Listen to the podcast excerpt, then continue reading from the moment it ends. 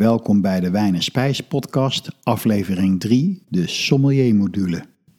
Mijn naam is Jeroen Bronkhorst en deze podcast wordt je aangeboden door de Wijnstudio. De sommelier module bestaat uit drie onderdelen. Ten eerste gaan we het hebben over wijn bij het eten. Het gerecht staat vast, nu kiezen we er een wijn bij. En de vraag is niet alleen hoe kiezen we een wijn, maar ook kunnen we die wijn nog aanpassen. We kijken naar de serveertemperatuur van wijnen. We kijken naar de invloed van zuurstof en eh, ook meteen naar caraveren en decanteren. We kijken wat er gebeurt als je water toevoegt. Ja, dat kan ook nog. En we gaan het hebben over glaswerk. Dat heeft een eh, grote invloed op de smaak van de wijn, maar er zijn ook wel een paar misverstanden over. Het tweede deel bestaat uit speciale wijncombinaties, aperitiefwijnen, dus wijnen die je vooraf drinkt, kaas en wijnen. Ja, in feite kun je daar een hele podcast over houden. Maar ik zal het over de basisprincipes hebben. En dessertwijnen, dessertwijnen dus ook. Het derde deel van deze podcast is de organisatie. Een buffet of diner organiseren is hartstikke leuk, maar je wilt er niet te veel stress van hebben.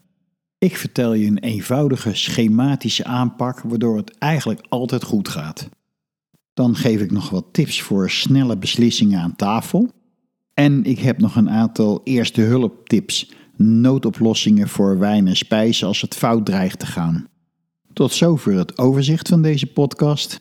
We gaan eh, wijn bij het eten serveren en we beginnen met een analyse van het gerecht.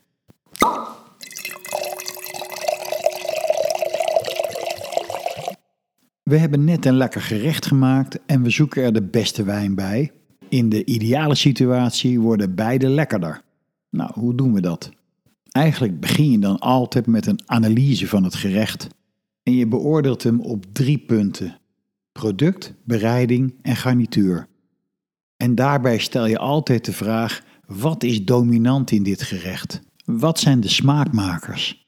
Vaak zijn bereiding en garnituur belangrijker dan het product zelf. En ik wil een paar belangrijke elementen onder de loep nemen. Het eerste is vet in een gerecht. Of je het nou toe wil geven of niet, we gebruiken veel vet als we koken en eigenlijk is vet ook best lekker. Het geeft heel veel smaak aan gerechten. En ook de structuur van vet kan heel prettig zijn.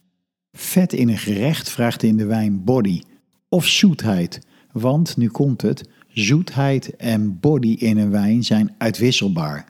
Je mond ervaart dat eigenlijk als hetzelfde. Daarnaast vraagt vet in een gerecht om zuur in een wijn. Zuur geeft kracht aan een wijn en we willen ook die frisheid als tegenhanger om een balans te maken. Nu hoor je mensen nog wel eens zeggen: je zoekt een zure wijn, want je wilt door het vet heen snijden. Ik vind dat een rare gedachte. Je snijdt niet met een wijn en het klopt ook niet helemaal. Vet en zuur zijn tegenovergesteld. En zoals ik al eerder zei, je kunt met een wijn een gerecht niet balanceren. Wat werkt dan wel? Dat is wijn met wat zuur om het geheel lekker te maken, in balans te houden maar ook absoluut wat body om tegemoet te komen aan dat vet in het gerecht. Een ander element is zuur in het gerecht. Dat zit daar zelden in hoge mate in, maar toch altijd wel iets meer dan je soms denkt. Waar je zuur echt in proeft is tomaat, bessen, rabarber en citrusvruchten. Zuur in het eten vraagt om voldoende zuur in de wijn. Dat moeten eigenlijk eh, gelijke partners zijn. En zuur in het eten vraagt vaak om wat fruitigheid in de wijn, om het een beetje aantrekkelijker te maken, alles bij elkaar. Maar pas op, als je denkt, ja, ik heb uh, de gastronomische proefmethode begrepen, er zit zuur in een gerecht, dus ik neem veel zuur in de wijn, dan krijg je weer te maken met het verschijnsel overdaad. Te veel van hetzelfde wordt dominant. En dan is de balans van het geheel weg en dan is het gewoon niet meer lekker. We hebben vet en zuur gehad, nu volgt natuurlijk zout. Zout helpt alle problemen oplossen. Zout helpt zelfs om eh, heftige tannine in een wijn te verzachten. En daarmee komen we bij een hele interessante vraag uit. Iedereen weet dat je bij rood vlees een stevige rode wijn moet schenken met veel tannine. Bij zo'n Argentijnse steak past ook een Argentijnse Malbec. Maar je kunt je ook afvragen: wat is de rol van zout hierin? Rood vlees wordt eigenlijk altijd met veel zout gegeten. Ik vind het zelf ook altijd erg lekker met grof zeezout. Van tannine in de wijn is bekend dat het eiwitten afbreekt. Dus eigenlijk vindt er meteen een voorvertering van je vlees plaats. Maar de reden dat het zo lekker smaakt bij rood vlees zou ook wel eens aan dat zout kunnen liggen. Nou, dat uh, blijft een open vraag, denk ik, maar je moet het zelf maar eens uitproberen. Een andere goede combinatie met zout vlees, en als ik dan aan de top denk, dan denk ik aan uh, pata negra ham, is uh, manzanilla sherry, maar dat heb ik al eerder gezegd, een hele zilte wijn. Over zoet in het eten gaan we het straks hebben als ik bij desserts uitkom. Een ander aspect van gerechten is de intensiteit van de smaak. Bijvoorbeeld specerijen, knoflook en blauwe kaas. Volgens de regels van de menuleer vraagt dat in ieder geval dezelfde smaakintensiteit van de wijn. En in de praktijk klopt dat ook. Smaakintensiteit in de wijn bereik je in de eerste plaats met zuren, dan heb je het over de structuur, en met body. En als je naar de aromas kijkt, heb je het over fruitigheid en kruidigheid. Scherpe smaken zoals peper vragen om zoetheid in de wijn. Maar ik heb een verrassing voor je. Ik had al gezegd dat zoetheid en vet uitwisselbaar zijn, maar zoetheid is ook te vervangen door fruitigheid. Als je mensen een hele fruitige wijn schenkt die droog is, zullen veel mensen die als zoet ervaren. En dat is precies wat er in je geest gebeurt. Als je aromas hebt zoals in de muskaatwijn, van tropisch fruit, bananen, litchis en rozen, dan geven jouw hersens een signaal af: hier komt zoet aan. Maar zoet is niks anders dan restsuiker in een wijn. En een muskaatwijn kan dus ook volkomen droog zijn. Dat zet je eigenlijk op een dwaalspoor. En zo creëer je een tegenhanger van vet in het eten. Want als je geen dikke, volle, vette wijn wilt en ook geen zoete wijn, pak je een hele fruitige, sterk aromatische wijn. Zoals een Viognier of een Zuid-Rhône, of een Muscat uit de Elzas of een Torrontés uit Argentinië. Het uitgangspunt in deze podcast is: het gerecht staat vast. Hoe kiezen we de wijn? Daar heb je nu een paar handvaten voor gekregen. En de andere vraag is: kunnen we nog iets doen aan die wijn? Kunnen we die wijn meer naar dat eten toe brengen? En het antwoord daarop is ja, dat kan, maar beperkt. Omgekeerd, het eten naar de wijn brengen, ja, daar heb je oneindig veel mogelijkheden. Als we de wijn aan willen passen, is de nummer 1 techniek de temperatuur. Ik denk dat veel mensen nog niet doorhebben hoeveel invloed temperatuur op een wijn heeft. In veel restaurants, zelfs goede restaurants, schenken ze een rode wijn op kamertemperatuur. En ik heb eens een training gegeven in echt een goed groot restaurant. En daar kwamen de witte wijnen gewoon uit dezelfde koelkast als de Coca-Cola. Ofwel 6 graden. Wat doet temperatuur met wijn? Bij een rode wijn merk je dat altijd nog het beste. Als rode wijn te warm wordt, valt die uit elkaar. Ja, het klinkt heel snobby, ik weet het. Maar proef het maar eens. Je proeft een heleboel smaken, heel goed zelfs, maar ze zijn niet meer in harmonie met elkaar. Het is gewoon echt niet meer lekker.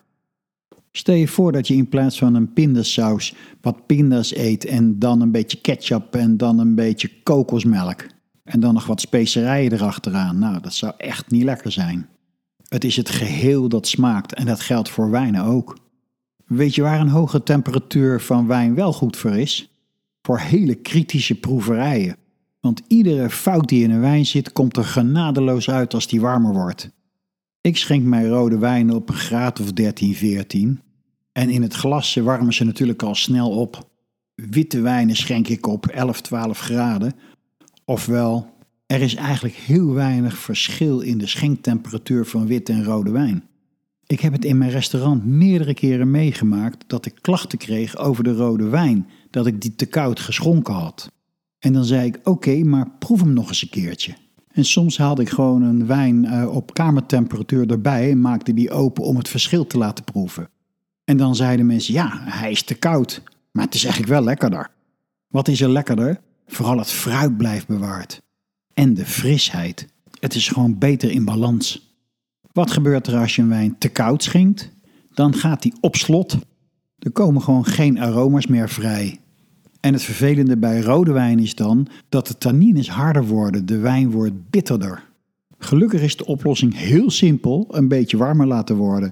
Het is nooit een definitief probleem. Hoe maak je een wijn warmer? Nou, één ding wat je kan doen is het glas met beide handen beetpakken en gewoon met je handen verwarmen alsof het winter is. Hoe maak je een wijn koeler? Er zijn een paar trucjes voor. Het eerste is het glas frapperen.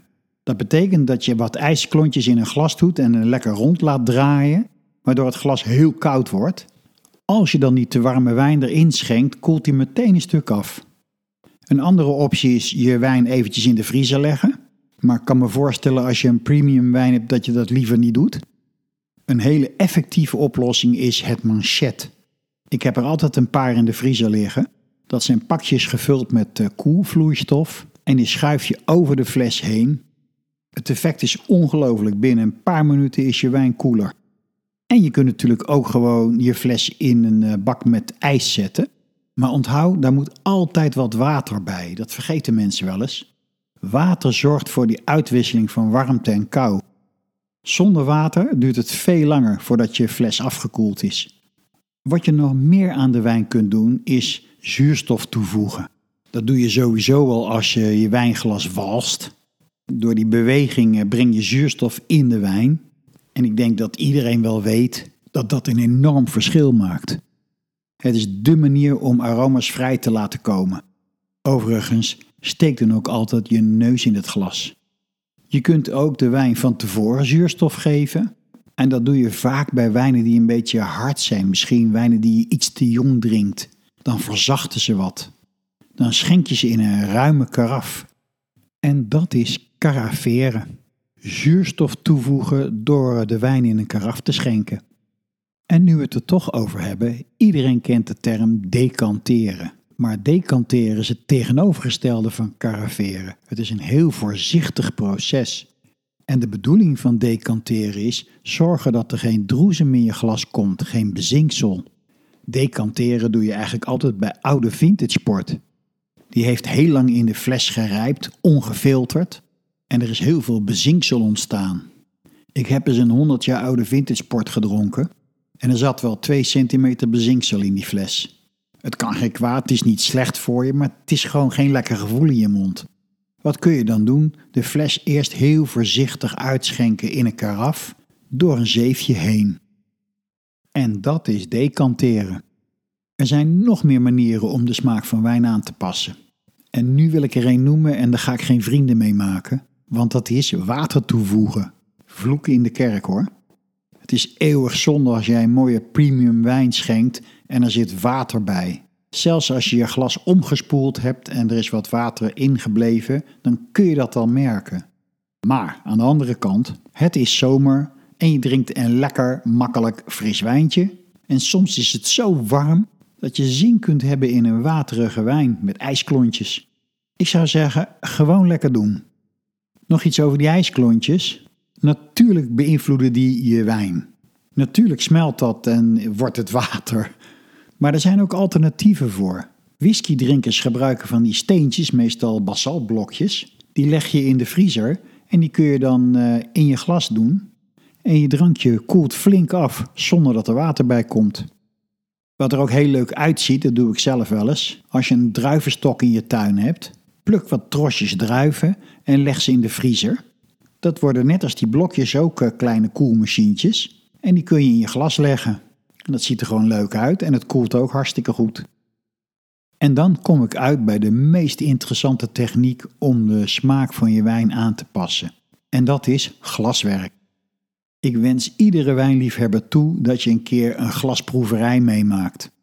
Toen ik het de eerste keer deed, geloofde ik het gewoon niet.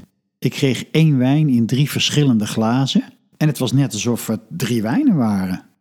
En ik weet nog dat ik toen tegen degene zei die uitschonk: geef mij die fles. Ik ga ze zelf in mijn glazen schenken. Want als ik dat niet doe, dan ga ik achteraf nooit geloven dat het echt gebeurd is. Dan denk ik toch dat er een truc uitgehaald is.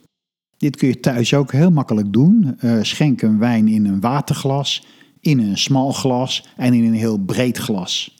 Het is overigens ook heel leuk om zo'n proeverij met je vrienden te doen. Een gemiddeld wijnglas laat een wijn over het algemeen het beste eruit komen. Maar, nu komt het, Bepaalde groepen van druiven en wijnen komen het beste tot hun recht in bepaalde vormen van glazen. Over het algemeen kun je dit zeggen. Wijnen met hoge zuren zoals Riesling en Sauvignon Blanc komen het beste tot hun recht in een smal wijnglas.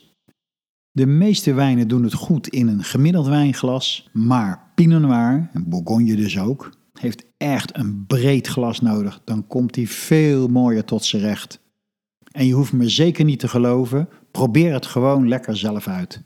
En hiermee is meteen de mythe ontkracht van het witte wijnglas en het rode wijnglas. Dat bestaat eigenlijk helemaal niet. Het gaat om het type wijn wat je erin schenkt. Bordeauxwijnen, wit en rood, schenk je bij voorkeur in een gemiddeld wijnglas. Bourgognes, wit en rood, schenk je bij voorkeur in een breed glas. Ik heb allerlei maten glazen aangeschaft toen ik dat ontdekte, maar daar ben ik weer een beetje van teruggekomen, want het is echt helemaal niet handig. Je kast staat propvol, ze gaan nog wel eens kapot en dan moet je ze weer aanvullen. Om die reden brengt Gabriel, of zeg je Gabriel, ik weet het niet, één standaard glas uit. Een perfect glas. Nog een ander element wat vroeg of laat iedereen ontdekt. Wijn uit dunne glazen smaken gewoon veel lekkerder. Zalto was de eerste die ermee begon. Prachtige glazen, maar ze zijn wel peperduur. Gabriel is mooi. Spiegelau heeft nu ook een dunne serie. En ook Scott Zwiesel gaat een dunne serie op de markt brengen. Of misschien is die er al. Nog een klein tipje over dunne glazen. Je breekt er verschrikkelijk veel in het begin, omdat je gewend bent te poleren met het steeltje in je hand. Niet doen. Als je poleert, hou het hele glas vast. Nog één ding over glazen. Een goed glas moet van onder een beetje wijd zijn, zodat je lekker kan walsen. En het moet van boven een beetje taps toelopen, zodat de geuren goed bewaard blijven. Als je champagne schenkt, een fluit ziet er wel heel leuk uit. En het houdt de bubbels vooral heel goed vast. Maar je proeft eigenlijk niets, want je kunt niet ruiken. Dus ik schenk champagne altijd in een gewoon smal wijnglas. En wie het in een koepglas schenkt, ja, wie dat uitgevonden heeft, weet ik niet. Maar het vermoordt gewoon eigenlijk alles van de champagne. De bubbels gaan eruit en je ruikt ook niks. Het enige waar het goed voor is, is dat je van die leuke torens kan maken. Dat je bovenaan begint te schenken en dat zich vanzelf alle glazen vullen. Heel feestelijk. Tot zover de aanpassingen die je kunt doen aan een wijn om het naar het eten toe te brengen. We gaan door met het tweede deel van deze podcast, speciale wijncombinaties. En we gaan beginnen met aperitiefwijnen. Een aperitief is een drankje voor de maaltijd. Een goed aperitief opent je smaak en wekt de eetlust op. En een goed aperitief is niet al te uitgesproken, zodat wat er achteraan komt niet verstoord raakt. Welke eigenschappen moet een goede aperitiefwijn hebben? Om te beginnen zuren. Die wekken je eetlust op en ze neutraliseren je smaak. Een andere goede kwaliteit van aperitiefwijnen is bubbels. Die doen precies hetzelfde. Verder zou je van een goede aperitiefwijn kunnen verlangen dat die weinig alcohol heeft. Hoeft niet altijd. Misschien moet ik zeggen, het moet niet te rijp, te overdadig zijn. Over het algemeen is zoet eigenlijk niet zo goed voor een aperitief, want het stilt je honger en je proeft daarna dingen minder goed. Dus een potje voor het eten is eigenlijk helemaal niet zo'n goede gewoonte. Maar waar en wanneer is die gewoonte ontstaan? Nou, dat is typisch Engels natuurlijk. Dat werd gedronken door de rijke klasse al in de 16e en 17e eeuw. En in die tijd waren er nog geen kachels. Huizen werden verwarmd met een open haard. Nou, zie je het voor je in Engeland, zo in de winter. Dat gure, natte klimaat. En dan een open haard die je kamer verwarmt. Dat lijkt totaal niet op hoe het vandaag de dag bij ons in huis in de winter is. Wij zetten gewoon de CV even op 21. Port bevat veel suiker en veel alcohol. En wat doet dat als je een portje in de winter drinkt? Je krijgt het lekker warm. Je bloed gaat stromen, je krijgt warme voeten. En dat is precies wat je nodig hebt aan het begin van een mooie maaltijd. Aan een lange tafel in een koude kamer. Als je alle positieve eigenschappen van een aperitiefwijn onder elkaar zet, hoge zuren, mousserend, laag alcohol, niet te aromatisch, ja, dan kom je maar bij één wijn uit. En dat is champagne. In mijn ogen nog altijd het allerbeste en allerlekkerste aperitief wat er bestaat. Heb je daar geen geld voor of wil je eens wat anders proberen? Dan komt Crémant uit Frankrijk nog het dichtst in de buurt. En dan heb je cava, die ook volgens de methode traditioneel is gemaakt. Net als champagne en Crémant. Duitse sect kan heel goed zijn. Je kunt ze in alle stijlen vinden. Prosecco, de meest gedronken mousserende wijn ter wereld. Of bijvoorbeeld de Zuid-Afrikaanse Cap Classique. Wil je niet een mousserende wijn? Ga dan voor wijn met hoog zuur. Bijvoorbeeld Riesling, sommige Chardonnays uit koele gebieden, Albarino, Assyrtiko uit Griekenland of voor rood Pinot Noir. Koel klimaat doet het vaak goed, Champagne, Chablis, Loire, Mosel. En in Portugal is er weer een andere truc. De Vinho Verde, ook zo'n heerlijke aperitiefwijn. Dat is een wijn waarvan de druiven heel vroeg geplukt worden, nog maar net rijp. Groene wijn noemen ze dat in Portugal.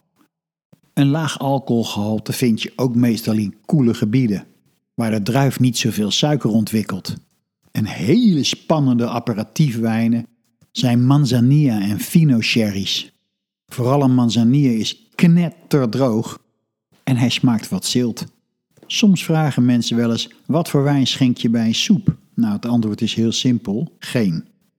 Als je wijn bij een soep schenkt, zijn de structuren gelijk aan elkaar, dus dat gaat zich direct vermengen. En wat krijg je dan? De soep gaat gewoon heel zuur smaken. Alleen hele dikke, krachtige maaltijdsoepen, ja, daar kun je weer wijn bij schenken. Er is één uitzondering en dat zijn de bouillons. Als je een mooie, krachtige, dubbelgetrokken rundebouillon maakt, combineert dat heerlijk met een Oloroso sherry of een Madeira. En niet toevallig zijn het allebei bewust geoxideerde wijnen. En als je daar een Madeira bij kiest, zou ik altijd gaan voor een medium droog of een medium zoete stijl. Als het druivenras eh, op de fles vermeld staat, heb je een nog mooiere kwaliteit. En eigenlijk vooral Verdelio en Boal doen het heel erg goed. Als je als vooraf een frisse salade serveert op basis van vinaigrette, kies je ook een frisse wijn. Is die salade op basis van mayonaise gemaakt, zoals een Waldorf salade, dan kies je een wat dikkere wijn. Misschien ook een Riesling, maar dan een wat rijpere stijl uit de Pfalz. Wat ook prima werkt, vind ik zelf. Ga naar een goede wijnwinkel, vertel wat je voorgerecht is en dat je daar een lekkere aperitiefwijn bij zoekt. En vaak hebben die mensen hele verrassende dingen in de winkel staan. Er is zo verschrikkelijk veel keus. En in een goede wijnwinkel hebben de verkopers altijd alles zelf geproefd. Tot zover de aperitiefwijnen. Nu komen we uit bij de meest bekende combinatie en dat is natuurlijk kaas en wijn. Er zijn een heleboel boeken over geschreven en ik zou met gemak alleen over dit onderwerp een hele podcast kunnen maken. En om te beginnen zou ik je één ding met klem willen adviseren: ga naar een goede kaaswinkel. Dat maakt zoveel verschil. Zelfs bijzondere kaassoorten als parmesan kunnen uit de grote keten zeer matig smaken. Geef gewoon ietsje meer uit en geniet van kwaliteit. Ik zit er wel eens met verbazing naar te kijken als ik zie hoe dik sommige Amerikanen kunnen zijn, terwijl dat het land is van de diëten en de dieetproducten. Al die producten zonder vet en met lage calorieën. Eén ding wat me opviel toen ik in Amerika was, is dat de porties ontiegelijk groot zijn. En ik heb daar een idee over. Ik merk als iets niet echt bevredigend is, de smaak net niet geeft wat je zoekt, dat je dan door blijft eten. Je wilt eigenlijk alsmaar die bevrediging krijgen die niet komt.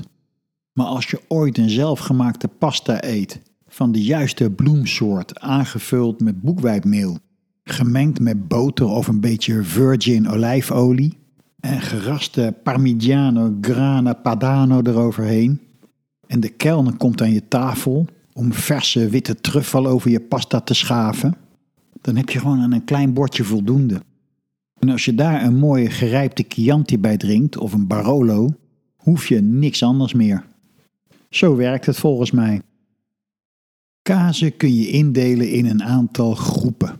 Dat zijn verse kaas, witschimmelkaas, schapen- en geitenkaas, roodflora kaas, blauwschimmelkaas, halfharde kaas en harde kaas. Kazen in die groepen lijken op elkaar. En dat maakt dat je bepaalde wijnen daar veilig bij kunt schenken. Wat is kaas eigenlijk? Het is de room van de melk, het vette deel. Dat room je af, zoals dat heet. Dat zuur je aan ga je stremmen en snijden en persen. Voor 1 kilo kaas heb je ongeveer 10 liter melk nodig. Even een leuk weetje tussendoor. Wat is vetter, een roomkaas of een oude kaas? En het antwoord daarop is: oude kaas is veel vetter. Want kaas is gestold vet. Ja, sorry, dat is zo. En bij oude kaas is er heel veel water verdampt. Het is geconcentreerd, dus het vetgehalte is veel hoger. Bij roomkaas heb je juist heel veel water. Alleen, gastronomisch gezien, ervaar je het precies andersom. En dat is wat telt als je er wijn bij drinkt. Je leest heel veel over kaas en wijn en wat mensen dan adviseren. En toen ik het wijnspijsboek ging schrijven, dacht ik: ik moet niet zomaar iets overschrijven wat een ander zegt. Want ik weet uit ervaring, op internet wordt ook heel veel onzin verteld en iedereen praat elkaar na. Er is eigenlijk maar één manier hoe ik erachter kan komen welke kazen en wijnen het beste bij elkaar passen, en dat is zelf uitproberen. Nou heb ik het geluk dat ik om de hoek woon bij Ed Boele, meermaals uitgeroepen tot de beste kaaswinkel van Nederland. En er zijn er meer hoor, zoals eh, Bourgondisch Lifestyle en nog andere natuurlijk. Maar daardoor zijn er regelmatig mooie kaarsjes in huis. Bij het proeven van al die kaarsjes heb ik telkens verschillende wijnen genomen en gewoon opgeschreven: vond ik het lekker of vond ik het niet lekker? Een klein beetje of heel erg. En na een paar maanden heb ik die proefnotities bij elkaar gelegd om te zien of daar een logica in zat. En ja, die was heel duidelijk zichtbaar. Jonge en witte kazen en zeker ook geiten- en schapenkazen doen het gewoon erg goed bij witte wijn. Het klopt echt de klassieke combinatie geitenkaas en Sancerre, heerlijk. En naarmate de kazen harder en ouder werden, pasten de rode wijnen er steeds beter bij. Dat was conclusie nummer 1. Conclusie nummer 2 was: bij zachte kazen doen versterkte wijn het heel erg goed. Sherry, port, Madeira. Bij die roodkorstkazen, die vaak zo'n heftige aroma hebben, wat niet ontstaat door schimmel, maar door bacteriën, kazen die een beetje kunnen stinken, passen ook een beetje wijnen die kunnen stinken. Bijvoorbeeld Jura-wijnen. En bij alle blauwschimmelkazen passen vooral zoete wijnen. En met name, nou komt het, dat vond ik heel grappig om te ontdekken, ook dat is weer klassiek. Sautern, die doet het fantastisch. En wat is nou het grappige van Sautern? Dat is een wijn die gemaakt wordt met beschimmelde druiven. En die drink je dus bij een beschimmelde kaas. En dan iets over het beroemde kaasplankje. Kaasplankje is een wijn dat is een bijna hopeloze opdracht. Meestal wordt er port bij geserveerd. En het goede daarvan is, port blijft altijd overeind. Dus in dat opzicht klopt het. Maar het is bij lang niet alle kazen de beste keus. En als je je dat in een restaurant voorzette, heb je toch iets van ja, maar eh, dat doe ik thuis ook al. Als je graag veel verschillende types kazen op één plankje wil leggen, weet ik een betere wijn voor je: Pinot de Charente. Dat is eigenlijk niet echt wijn, het is een mengsel van druivensap met cognac. Dat is veel subtieler bij die kazen en spannender. Maar wat je nog beter zou kunnen doen, is kaas uit één groep op een plankje leggen. Daar kun je dan echt de passende wijn bij schenken. Je zou op die manier ook twee kaasplankjes achter elkaar kunnen serveren, eerder met een eigen wijn. En dan nog een laatste tip over kaas. Haal ze altijd op tijd uit de verpakking, want kaas moet ademen, net als wijn. En serveer ze niet te koud. Ook weer net als wijn, dan proef je gewoon niet genoeg. Kaas is het lekkerste op kamertemperatuur. Dus dat mag wel een stukje warmer dan de wijn. Tot zover de kazen. We hebben nog één speciale wijncombinatie en dat is desserts en dessertwijnen.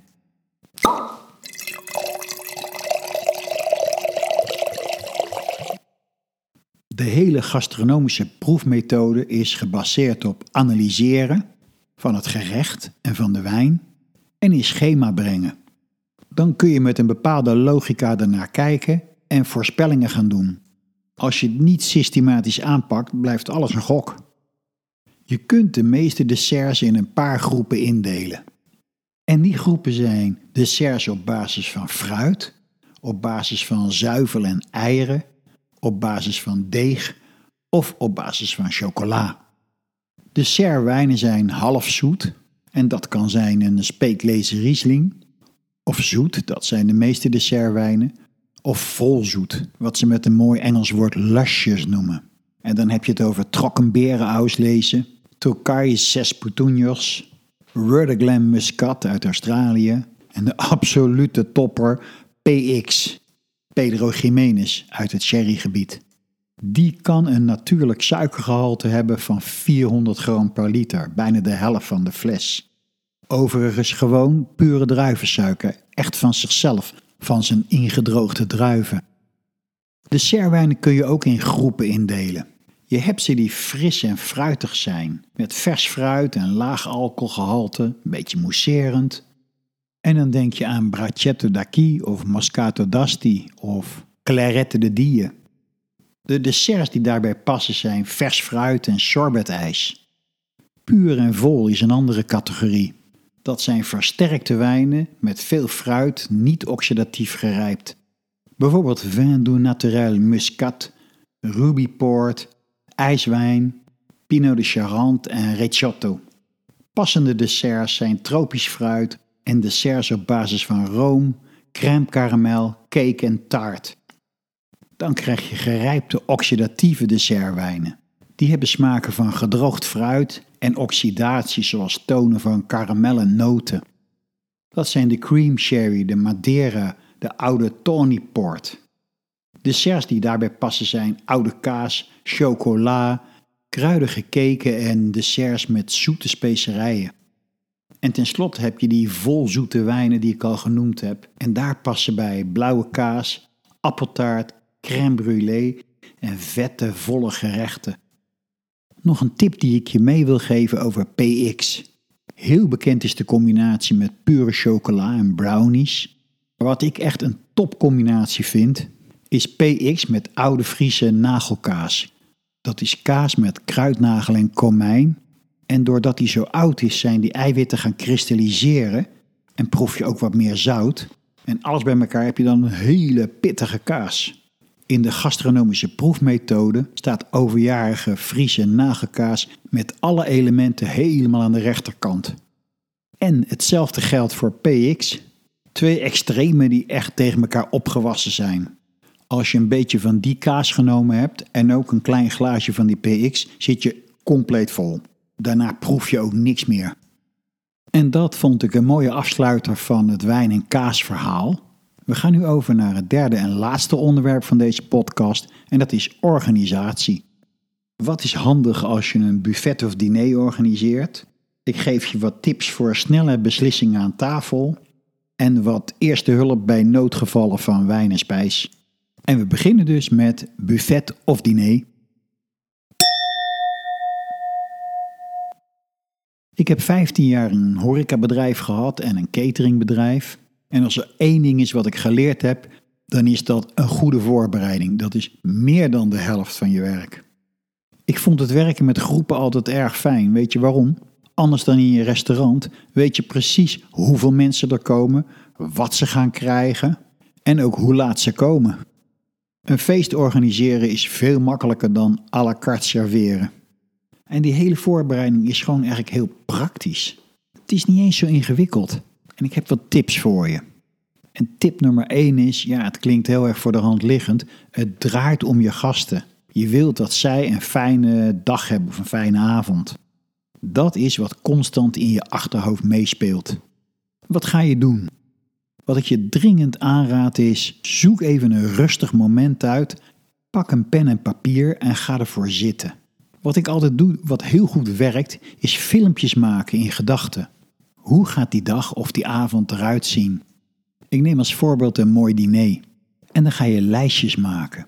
Dan weet je zeker dat je niks vergeten bent. Het filmpje begint bij de binnenkomst. Je gasten komen eraan. Is er een parkeerplek? Hoe ziet je huis eruit? Brandt er een buitenlamp? Hebben ze bloemen bij zich? Heb je een vaas klaarstaan?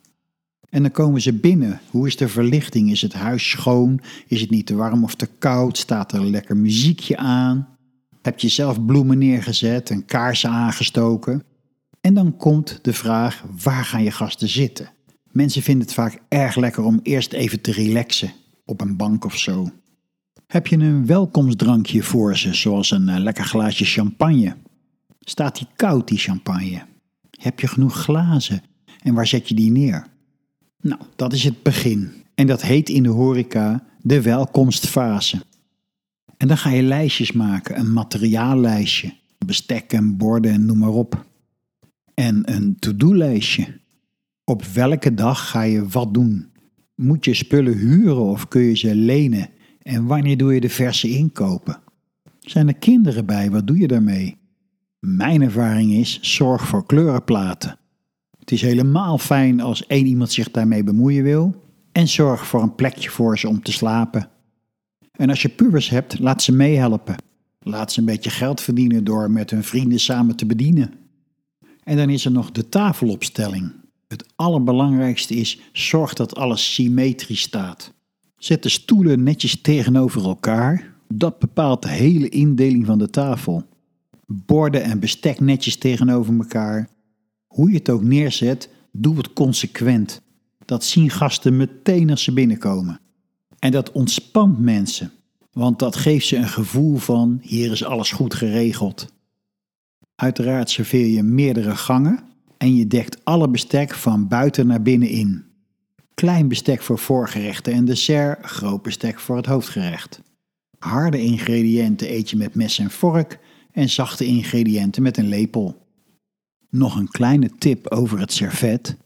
Leg dat niet onder het bestek, want je begint ermee dat je het servet pakt en over je schoot legt. Tenminste, als je het allemaal heel netjes wil doen. En er zijn mensen die dat willen. Dan zou je eerst dat bestek weer weg moeten halen. Dat is niet logisch. Leg het bestek ook zo neer zoals je het gebruikt. Dus het mes met de snijkant naar binnen. Want anders moet je het eerst omdraaien voordat je het kunt gebruiken. Dat is niet erg, maar het is niet chic. Zet niet te veel spullen op een tafel. Een bloemetje is leuk, maar niet te hoog. Mensen moeten er wel overheen kunnen kijken. Of zet de bloemen aan een zijkant neer. Als je een horecaopleiding volgt, dan leer je dat je maximaal vier bestek mag indekken en drie wijnglazen. Heb je meer nodig, dan dek je dat gewoon later in. Er is nog meer over te zeggen, maar het wordt misschien een beetje te veel in deze podcast. Maar het staat wel in mijn boek Wijn en Spijs. En dan kom ik bij het volgende onderwerp aan: snelle beslissingen aan tafel. Ik denk dat je dit niet weet tenzij je in de horeca werkt, maar iedere sommelier heeft altijd een paar wijnen in gedachten die altijd op voorraad staan en die altijd passen als je er niet zo goed uitkomt. En mijn tip is, als je er niet zo goed uitkomt, kijk bij de Elsass-wijnen, Pinot Blanc, Pinot Gris. Of ga voor een eh, Oostenrijkse Grüne Veltliner. Of bij rood, ga voor een Pinot Noir uit Bourgogne of uit Duitsland. Dat zijn wijnen die een heel breed scala van eten aankunnen. Als in een gezelschap mensen vis en vlees bestellen en ze willen er één wijn bij, nou dan is er eigenlijk maar één antwoord: Pinot Noir. Welke wijnen passen bij rood vlees? Kies een krachtige wijn met tannine, zoals een Bordeaux, een Madiran, een Cahors of een Argentijnse Malbec. Welke wijnen passen bij vet eten? Neem een wijn met veel fruit, zoals een witte muscat of een rode Côte En als je niet te zwaar wilt tafelen, eindig dan met een lichte dessertwijn, zoals Brachetto d'Acqui of Moscato d'Asti. Licht mousserend met 6% alcohol. En dan als laatste nog een paar noodtips. Eerste hulp bij wijn en spijs. Is je wijn te zuur voor het gerecht? Knijp een beetje citroensap over het gerecht, dat brengt het naar elkaar. Is er helemaal geen verbinding tussen wijn en gerecht? Gebruik een beetje extra zout. En die truc werkt ook als de wijn te veel tannine heeft. Heb je een wijn met kurk of twijfel je daaraan? Maak een tweede fles open of laat een tweede fles openmaken. Iedere wijn met kurk smaakt verschillend. Tot zover mijn tips. Wil je het allemaal nog eens nalezen? Dan is er een boek, Wijn en Spijs, te koop bij bob.com. Daar staat het allemaal uitgebreid beschreven, plus nog een heleboel andere dingen, zoals wijn en spijs in verschillende culturen.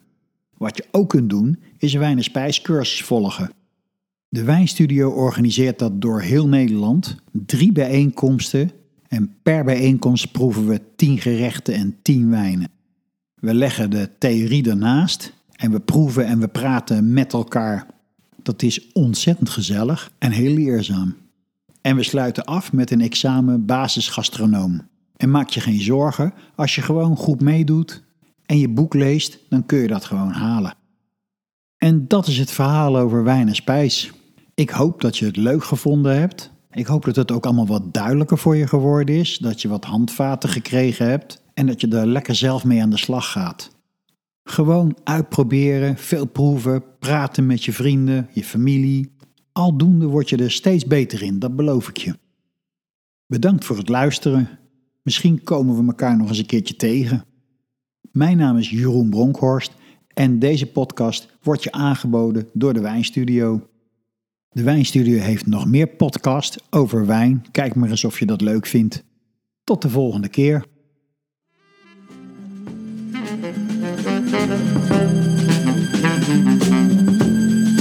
Thank you.